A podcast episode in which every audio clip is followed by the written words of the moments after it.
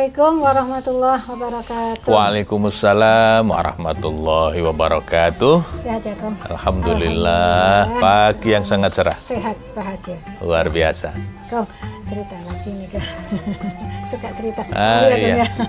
Mama. Iya, iya. iya toh. Iya, kalau mama itu suka cerita. Oh, Iya, oh. Iya. Kakek-kakek juga. Iya, oh iya, sama dong. Sama. Nah nih Kong, cerita zaman dulu nih Kong. Ketika nah, masih aktif ya, Kong, ya. mm-mm. Nah, di setiap tempat, di setiap kelas Mm-mm. itu ada yang suka maaf nyontek. Nyontek ya, suka nyontek. Satu anak atau dua anak, tapi tidak, Ya, semua. tidak Kong, banyak ya. Tidak banyak. Ada. Ada lah, selalu ada, ya. Selalu ada, selalu ada yang suka nyontek demi nilai. Ya, Nah, ulangan dan seterusnya. Bahkan kadang-kadang begitu mulai aja sudah ribut mencari Ya. mencari jawaban contekan. Iya. Nah, ini bukan kok- ribut belajar tapi bukan, ribut iya, cari contekan cari ya. contekan, cari jawaban itu tadi apa, supaya dia dapat nilai. Ya. Nilai Ya. baik. Ya. Nah, pengalaman yang lain juga nih, Gong. Ini ke emak-emak nih. Tapi nggak tahu kalau kakek-kakek. Ya, ya. Ada teman-teman saya itu eh, yang suka apa ya, Gong ya, share-share Mm-mm. berita ya atau share-share info-info baik itu info apa ya Gong, tentang motivasi agama Ya. tentang kesehatan Ya. cara bahkan kadang-kadang itu share tentang berita-berita yang dalam tanda kutip Hoax. eh, hoax Ya, ya. ya, ya. gimana itu Gong? Iya, memang kalau dulu di kelas itu kan problemnya nyontek ya, Di.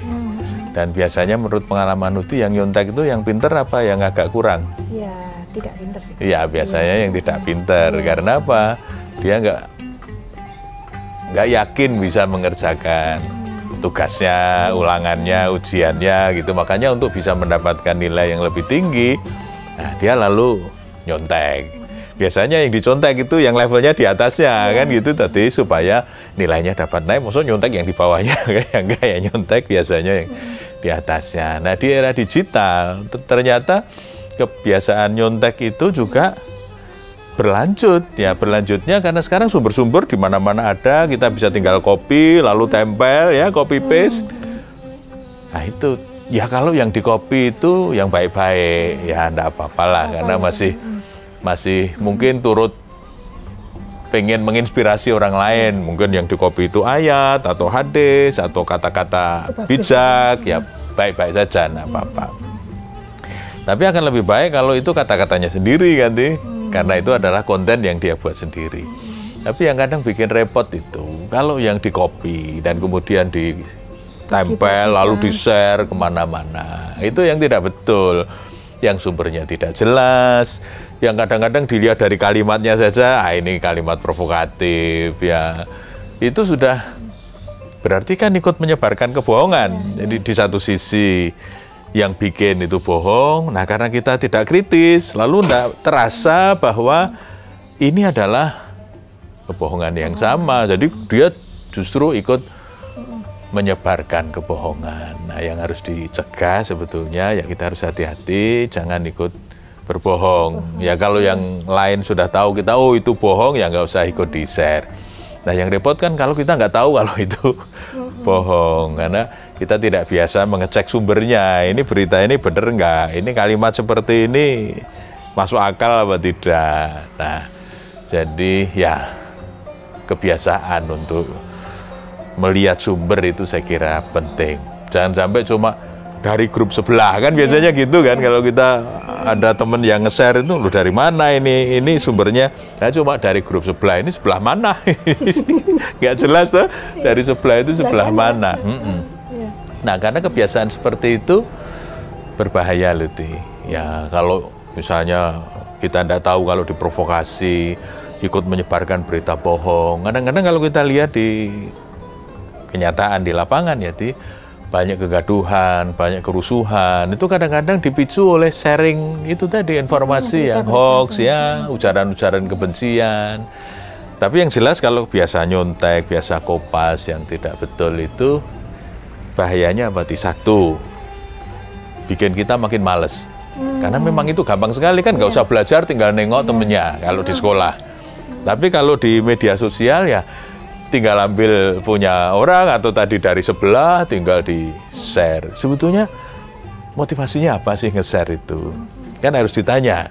Kalau motivasinya menginspirasi, ya mestinya yang di-share adalah hal-hal yang menginspirasi. Nah, yang repot itu dia tidak menyadari bahwa yang di-share itu dia ikut memprovokasi, dia ikut memfitnah. Nah, ini yang kebiasaan yang menurut saya tidak bagus. Karena resikonya itu kalau kita suka begitu, itu bikin makin males nih. Karena nggak usah mikir, kan tinggal kopi, tempel, share. Nggak usah kopi, cari sumbernya. nggak usah cari sumbernya, nggak usah baca. Mau dia dapat, tuh share. Oh, bagus, udah Ah, share ya. udah, ya. bagus apa enggak, pokoknya di share. Itu. nah, itu pertama, ya bikin kita jadi makin males. Yang kedua, lalu jadi tidak terbiasa belajar karena ya mau nggak belajar aja bisa dapat kan? Kalau di sekolah ya dia dapat dari temennya ya kan di? Tapi juga kalau di media sosial kita juga bisa dapat dari mana-mana. Nanti tinggal di copy di share di copy di share. Maka tidak ada kebiasaan untuk belajar. Jadi learning habitnya jadi buruk. Maka tadi saya nanya kepada Uti apakah yang suka nyontek itu yang pinter-pinter? Nah biasanya yang enggak, karena emang ya nggak pernah belajar. Makanya dia mau ngambil jalan pintas supaya dapat nilai bagus, lalu nyontek temennya. Nah ini juga supaya kelihatan hebat, supaya kelihatan tahu macam-macam. Udah dia share macam-macam. Padahal dia juga nggak begitu paham dengan yang di-share. Kesehatan iya, politik Apalagi iya. begini loh, Ti. Yang jadi masalah itu kadang-kadang yang di-share itu juga belum per- belum tentu dia baca, Ti. Betul sekali. Pokoknya dia baru datang apa dapat gitu lalu di share. Jadi nggak sempat dikritisi ini bener apa enggak yang dia share ini. Maka ini tidak ada tradisi ya kebiasaan untuk belajar dengan lebih sungguh-sungguh itu untuk bahayanya yang kedua. Yang ketiga itu lalu jadi bohong itu bagi dia jadi biasa. Jadi nggak ada masalah tuh Toh orang juga nggak tahu, padahal tahu juga kan. Ini cuma dapat dari orang lain. Iya. Seolah-olah itu dikiranya orang tidak tahu, padahal ya sebetulnya orang juga tahu. Misalnya begitu. Anak yang kita tahu sebagai gurunya misalnya matematikanya buruk, oh tahu-tahu loh kok dia bisa mengerjakan dengan sangat baik ya ya pasti kelihatan toh kalau itu dari teman sebelahnya apalagi kita tahu dia duduknya dengan teman yang pinter nah tapi ya karena dia pengen dapat nilai yang bagus dia tidak merasa bersalah dengan mengambil punya orang yang bukan haknya. Jadi biasa berbohong. Padahal kebiasaan berbohong ini kan diterus-teruskan kan nanti berbahaya tuh. ya Nah, lalu ragu dengan kemampuannya sendiri. Nah, orang-orang yang seperti ini kan biasanya orang-orang yang tidak terlalu percaya diri, efikasi dirinya buruk, sehingga dia merasa kalau tidak ambil sana sini, tidak mencoba ini, lalu kurang kelihatan hebat gitu. Padahal ya kita mestinya mesti percaya saja dengan kemampuan sendiri. Ya itulah kita, itu yang kita bisa, itu malah jadi enak. Saya sering mengatakan, tidak usah hidup pakai topeng, repot. Repot, Iya kan capek. Kita harus menyesuaikan dengan topeng orang lain. Nah, ya jadi diri sendiri saja enak. Nah, kebiasaan seperti ini itu menunjukkan ketergantungan kepada orang lain. Nggak bisa mandiri tadi, nggak berani jalan sendiri, nggak berani bikin konten sendiri. Ya, dia hanya ambil dari sana sini, maka ketergantungan kepada orang lain menjadi semakin tinggi.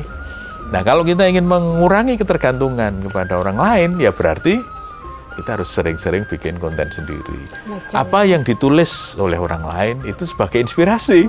Tapi kemudian kita olah, jangan hanya menjadi wadah, kemudian kita lempar lagi, kita terima, lalu kita lempar lagi tanpa kita pikirkan, tanpa kita kritisi, tanpa kita modifikasi, tanpa kita tambahi. Ya, oh ya langsung aja disebar.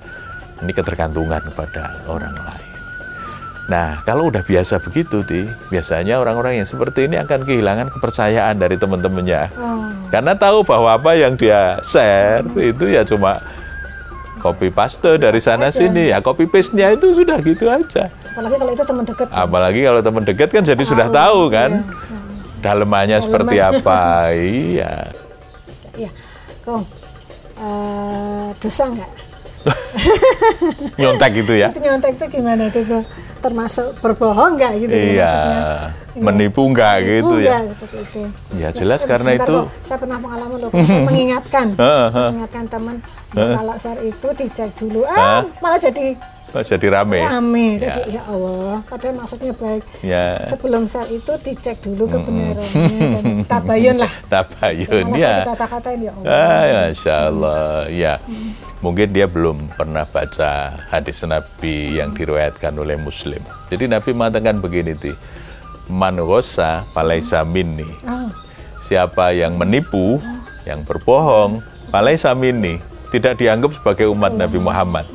Hadis ini sebetulnya panjang, itu berkaitan dengan awalnya itu ada orang yang dagang. Nah, yang jelek itu disembunyikan. Nah, Nabi itu pas lewat itu ngecek, loh ini kok basah ini apa? Oh iya Nabi itu kemarin kehujanan. Loh kok nggak ditaruh di luar, kok disembunyikan?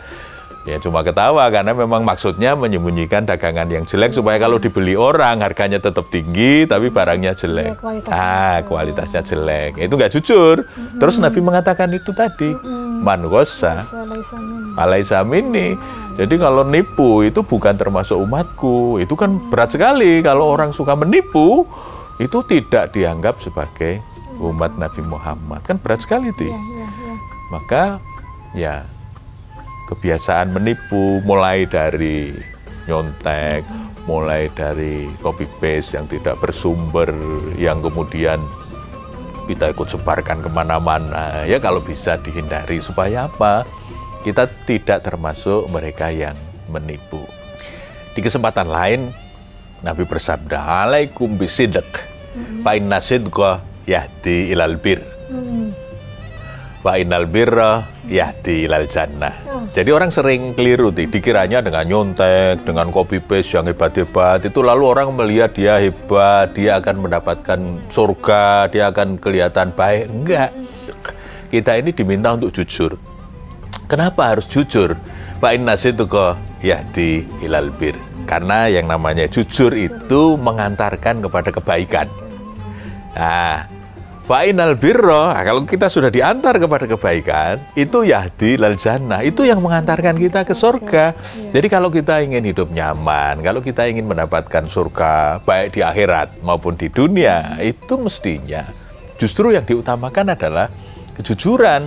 Karena kejujuran ini yang mengantarkan kita kepada kebaikan. Kebaikan ke surga. Kebaikan yang mendorong kita ke surga. Jadi kalau kita ingin mendapatkan surga baik di dunia maupun di akhirat kelak ya mestinya jujur kalau kita ikut sabda Nabi justru malah kita harus jujur. Maka tidak betul kalau ada orang mengatakan wah jujur nanti Ajur. acur. Iya. Maksudnya acur itu hancur. Hancur, ya.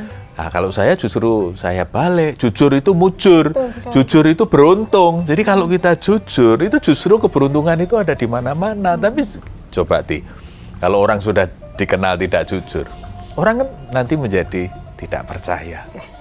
Nah sekarang kok bagaimana caranya kita menghindari kebiasaan nyontek, Nyontek. kebiasaan tidak jujur, kebiasaan Copy paste copy gitu ya. paste, iya. Ya. belum dibaca, belum Oh, dianalisa, oh, udah, udah uh, di-share, ya. Gimana tuh?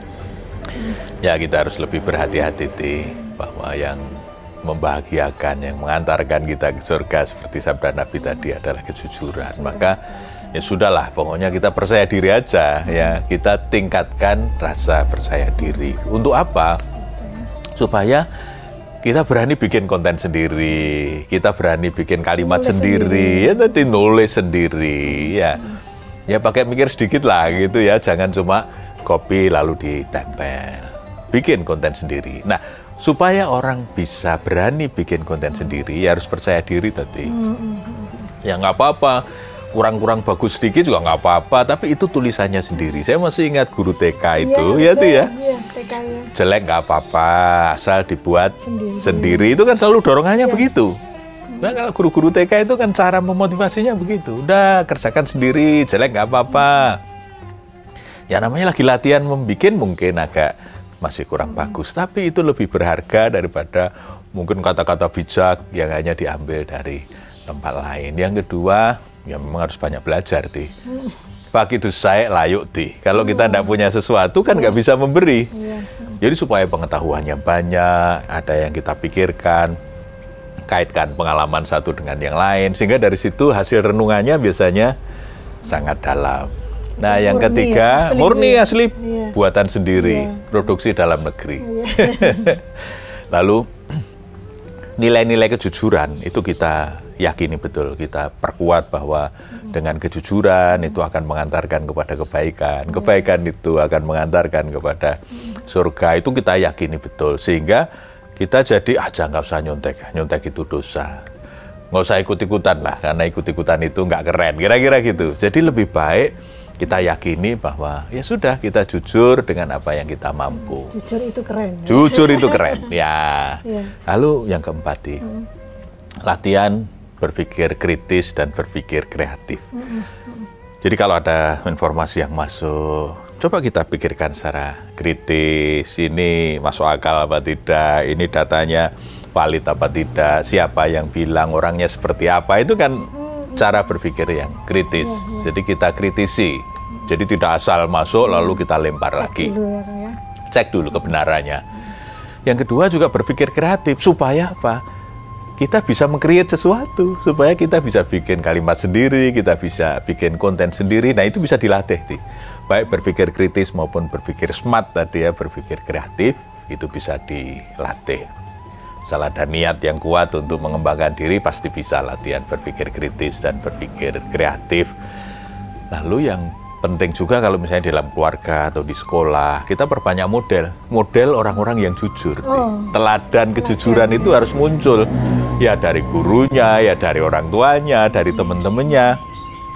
Nah yang repot itu kalau modelnya juga tidak jujur. Wah ini lalu justru memperkuat ketidakjujuran. Nah pemirsa, warisan terbaik buat anak cucu bukan rumah dan sawah, Iya, betul. tetapi iman dan kejujuran. Assalamualaikum warahmatullahi wabarakatuh.